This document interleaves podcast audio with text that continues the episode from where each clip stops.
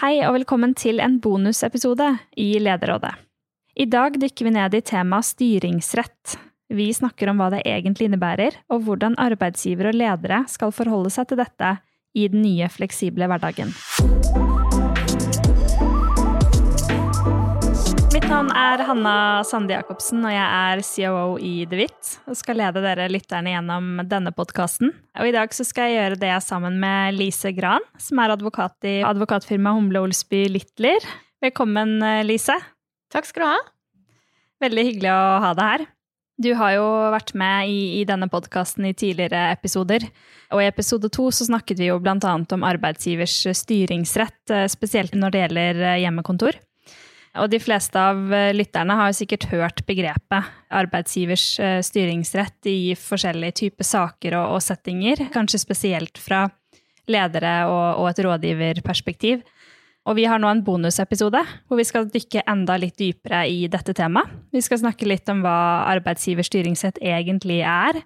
Og ikke bare i tilknytning til hjemmekontor, men også, også litt mer generelt. Det blir spennende. Det blir veldig spennende. og vi skal også se litt nærmere på hva ledere må huske på når de skal mm. bruke styringsretten. Og, og du skal få lov til å komme med noen gode praktiske eksempler også. Skal prøve på det. Ja. For er det ikke sånn, eh, Lise, at uh, man egentlig bruker styringsretten daglig i både holdt jeg på å si, større og mindre avgjørelser man, man tar på arbeidsplassen? Jo, altså selv om man som leder kanskje ikke tenker at nå bruker jeg styringsretten, så gjør man det veldig mange ganger i løpet av en arbeidsdag. Det finnes ingen konkrete lov- og forskriftsbestemmelser som hva, definerer da, hva arbeidsgivers styringsrett egentlig er. Men likevel er det en bærebjelke i et arbeidsforhold, og noe som alltid man på en måte kommer tilbake til i arbeidsgiverrollen. Som det er viktig å være bevisst på.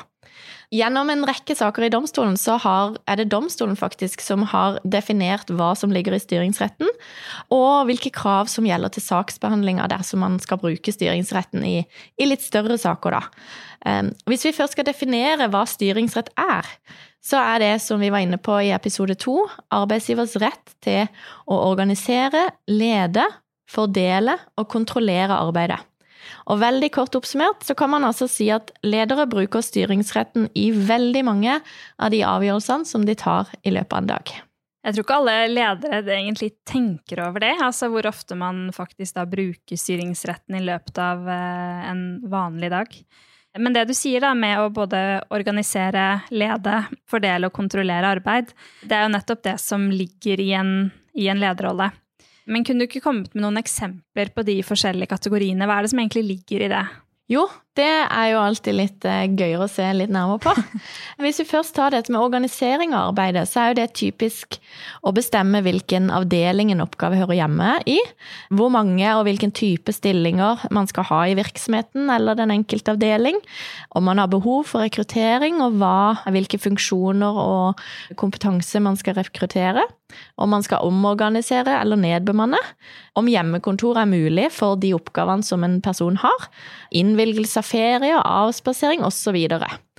Hvis vi går videre til den andre kategorien om å lede arbeidet, så ligger, i det ligger det jo da å definere oppgaver, bestemme mål og tidsfrister, stille krav til innhold og format, be om nye utkast og nye utkast, gi tilbakemeldinger og håndtere konflikter og utfordringer. Det å lede arbeidet også pålegger overtidsarbeid, og følge opp enkeltansatte oftere enn andre hvis det er behov for det. Den tredje kategorien er å fordele arbeidet, og det er jo typisk hvem skal gjøre hva eh, blant de ansatte i avdelingen.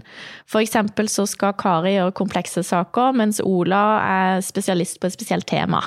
Man kan fordele oppgaver til en arbeidstaker som har sykefravær, eller man kan bestemme at ansatte skal jobbe selvstendig eller i team på spesielle oppgaver. Og den siste kategorien, som er å kontrollere arbeidet, eh, det er jo mer å ja, kontrollere, sjekke at ansatte overholder arbeidstida og oppmøtetidspunkt og de rutiner og krav som arbeidsgiver har satt.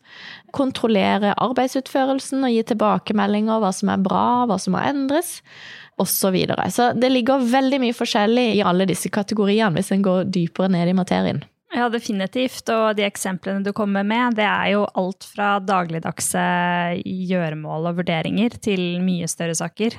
Ja, altså som du ser så er det hele spekteret med avgjørelser som, som, går inn under styringsretten og det begrepet der. Alt fra det å omorganisere med nedmanning, som får ganske negative konsekvenser for flere ansatte, til mindre sånn småting som egentlig ikke nødvendigvis påvirker den ansattes arbeidshverdag i, i, i så stor grad. Mm. Jeg vil jo tro at det vil være mye lettere for ledere å være bevisst på at de bruker styringsretten i saker som er litt tyngre da, enn de mer dagligdagse. Og så er det jo da viktig å være litt bevisst på altså, hvilke begrensninger som, som, ligger i styringsretten. Altså, kan du si noe om det? Når er det? Hvilke rammer må vi forholde oss til der?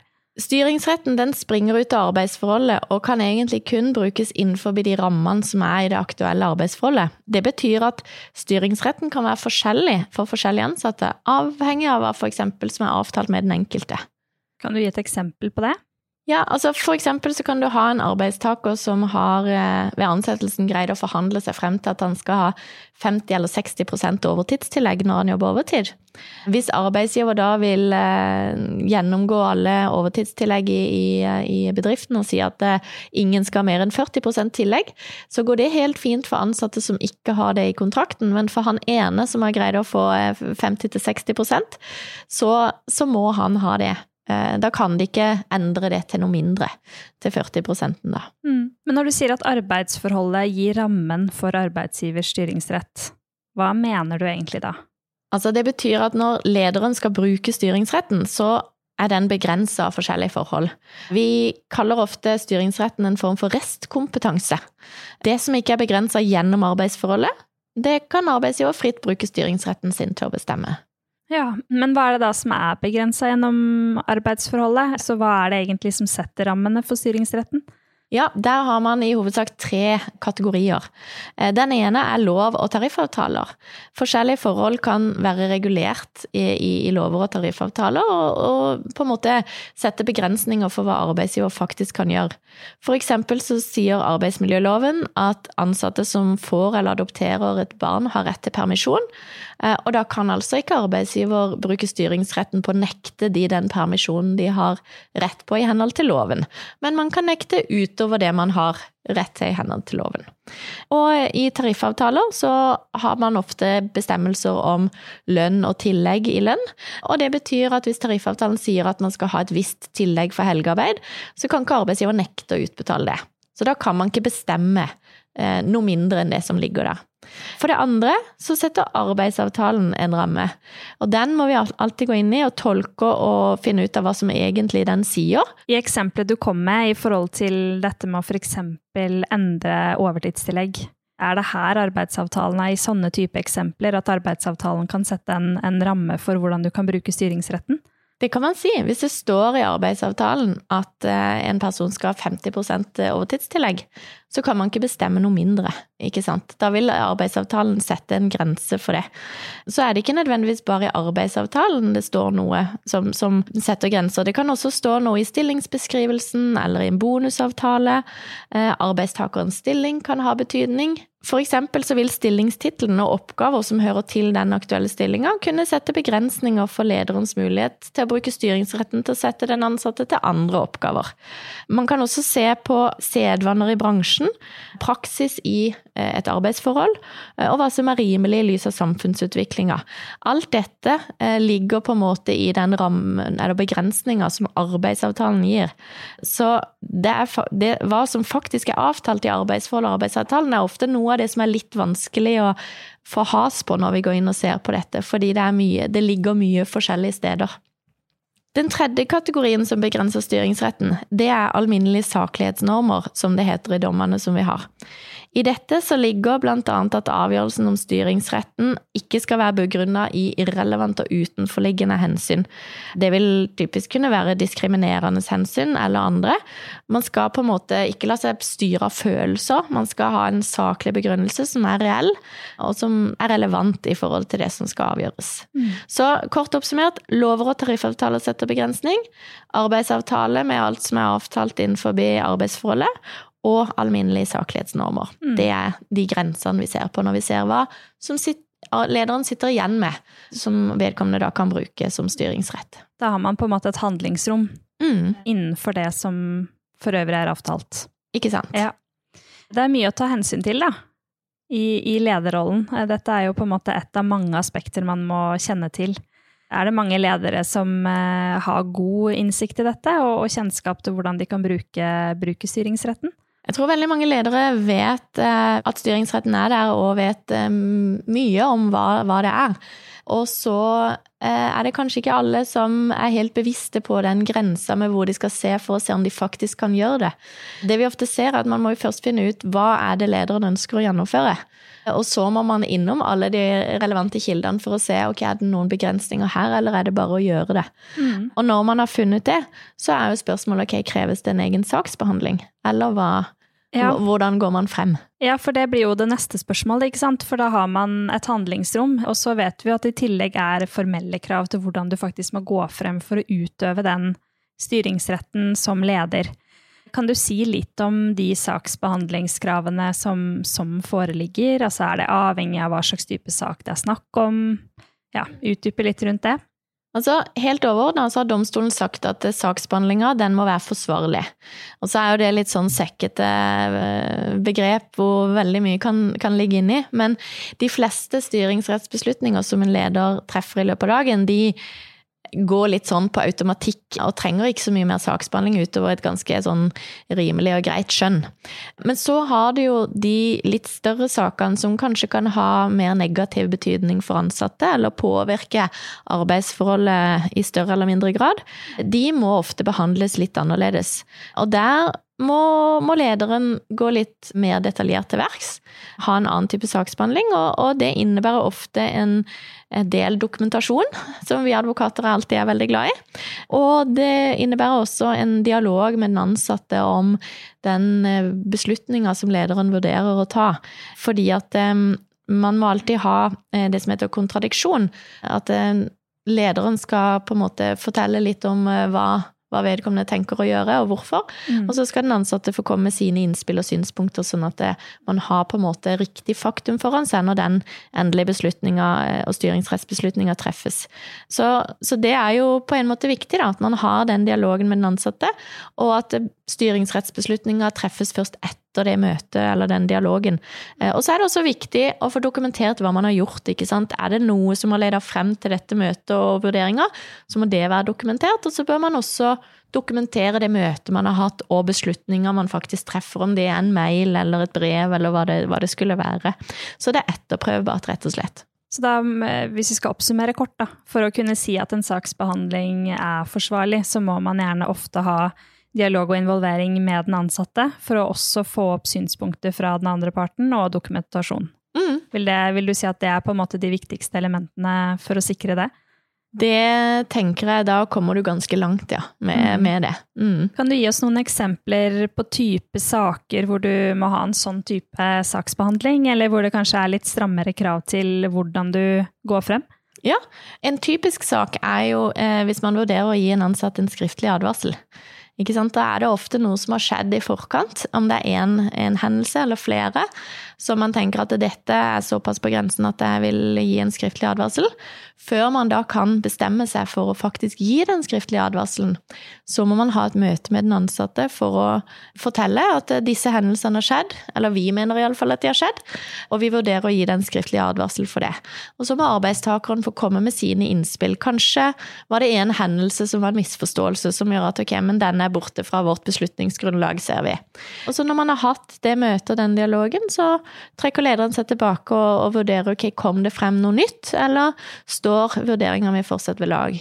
Og så treffer man da den avgjørelsen og gir den skriftlige advarselen til den ansatte hvis man mener det er det er riktig da man har dokumentasjonen i orden. Mm. Så det er jo en type sak hvor domstolen ofte stiller strengere krav til styringsrettsbeslutning av saksbehandling enn andre, fordi, nettopp fordi at det, det vil kunne påvirke arbeidstaker negativt. For en advarsel kan jo brukes som et oppsigelsesgrunnlag på et senere tidspunkt. Mm. Så har du jo et eksempel hvis en ansatt spør om å flekse arbeidstida litt en spesiell uke fordi man skal noe spesielt, så trenger man ikke ha en veldig omfattende saksbehandling pga. det. Da holder det liksom med ja-nei på, på, den ene uka. Men det er liksom en gang det er noe som påvirker arbeidsforholdet ganske betydelig, og negativt, da må man alltid huske på å å gjøre en ordentlig saksbehandling. Mm. Mange ledere syns jo at eh, de sakene hvor man må ha den type saksbehandling med mye dokumentasjon og dialog, er, er ganske tunge. Og kan jo synes at de kravene som settes til saksbehandlingen også kan være krevende å forholde seg til. da. Kan du si litt om det? Altså, hvordan, hvordan skal man egentlig som leder forholde seg til de, til de, kravene som formelt sett er til eh, at saksbehandlingen må gå på en viss måte? Jeg tenker det er viktig. Det er jo også både, både på en måte den juridiske sida av saken vil, vil styrkes hvis man, hvis man, holder seg til det, men så går det jo også på dette med det at den ansatte involveres i disse mer større, omfattende beslutningene er også veldig viktig, fordi at eh, den ansatte skal kunne få komme med sine synspunkter og innspill, og korrigere der arbeidsgiver kanskje har lagt feil faktum til grunn. Mm. Så jeg vet at det er utfordrende, og de samtalene er ofte noe av det ledere gruer seg til, for de er vanskelige. Men man må rett og slett bare stå i det, prøve så godt man kan, og så er det noe med å å ha, prøve å ha en god tone selv om eh, situasjonen kanskje er lei. Mm. Men å prøve å fremstå saklig og tillitsfull i, i, det du skal gjøre, på en måte vise arbeidstakerne at jeg, jeg skjønner at dette er vanskelig for deg, men, men nå, nå, har vi på en måte en, en prosess her som gjør at vi skal være sikre på at vi treffer den riktige beslutninga, om den er god eller dårlig, for det, det, det kommer vi til å se. Men men det er på en måte målet, da. Lise, du har jo vært litt innom lov- og tariffavtaler i forhold til styringsretten, og hvordan det setter noen rammer for hvordan du kan utøve styringsretten. Kan du si litt om eh, hvordan de lovpålagte kravene også setter føringer for prosessen, og hvordan saksbehandlingen må gå? Ja, for eksempel Det vi har snakka om nå, med denne forsvarlige saksbehandlinga, det ligger jo som et generelt krav for alle styringsrettsbeslutninger, større eller mindre. Men, men, i tillegg så kan det for visse saker ligge egne krav i lov- og tariffavtale. For eksempel så er det jo sånn at hvis eh, arbeidsgiver har ansatte som jobber skift, så skal skiftarbeidsplanen drøftes med de tillitsvalgte så tidlig som mulig, og senest to uker før den starter. Så der ligger det et eget saksbehandlingskrav til drøftelser med tillitsvalgte før man kan bestemme skiftplanen for de ansatte på det skiftet. Et annet eh, saksbehandlingskrav som kanskje de fleste ledere kjenner til, er jo dette med at før man i det hele tatt kan si opp noen, så må man ha et individuelt drøftingsmøte. Eh, hvor grunnlaget for eh, oppsigelse skal, skal drøftes med den ansatte. Et tredje saksbehandlingskrav er at hvis man skal omorganisere, så har man en plikt til å drøfte det med de tillitsvalgte før man beslutter den omorganiseringa som man ønsker. Og tariffavtaler kan også inneholde lignende saksbehandlingsregler. Så man har på en måte det her forsvarlighetskravet, og så har man egne krav i lov- og tariffavtaler i visse saker. Men så gjelder det jo også et sånt generelt krav om at avgjørelsen som som lederen treffer, er saklig begrunna. Og det favner også ganske sånn bredt, med tanke på at det, det, skal ikke være noe irrelevante hensyn eller noe som kan virke diskriminerende, som skal ligge til grunn for den avgjørelsen som treffes. Og det kan du også se på som en form for saksbehandling, fordi det er jo hvilke hensyn du tar med i vurderinga, da. Mm. Så det vil si at i noen saker så vil du alltid ha de lovpålagte kravene som vil sette noen føringer for hvordan prosess og behandling skal gå fremover. Og så vil du i tillegg alltid ha et generelt saklighetskrav som mm. ikke er lovpålagt, men det ligger på en måte til grunn i, i de vurderingene som skal gjøres. Stemmer det? Mm, det stemmer. Og så er det jo sånn at eh, i noen av de større sakene hvor styringsretten settes på spissen, så blir jo ofte både arbeidsgiver og arbeidstaker følelsesmessig involvert.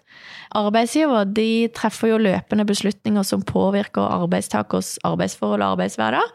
Og, og, derfor så er det, hvis man på en måte merker at det ligger og ulmer en form for konflikt, eller et eller annet, så må lederen fokusere på at eh, hva er det faktisk som har skjedd her? Hvilken beslutning er det jeg skal treffe nå? Og, og på en måte ha fokus på alt utenom følelsene. Alt det objektive.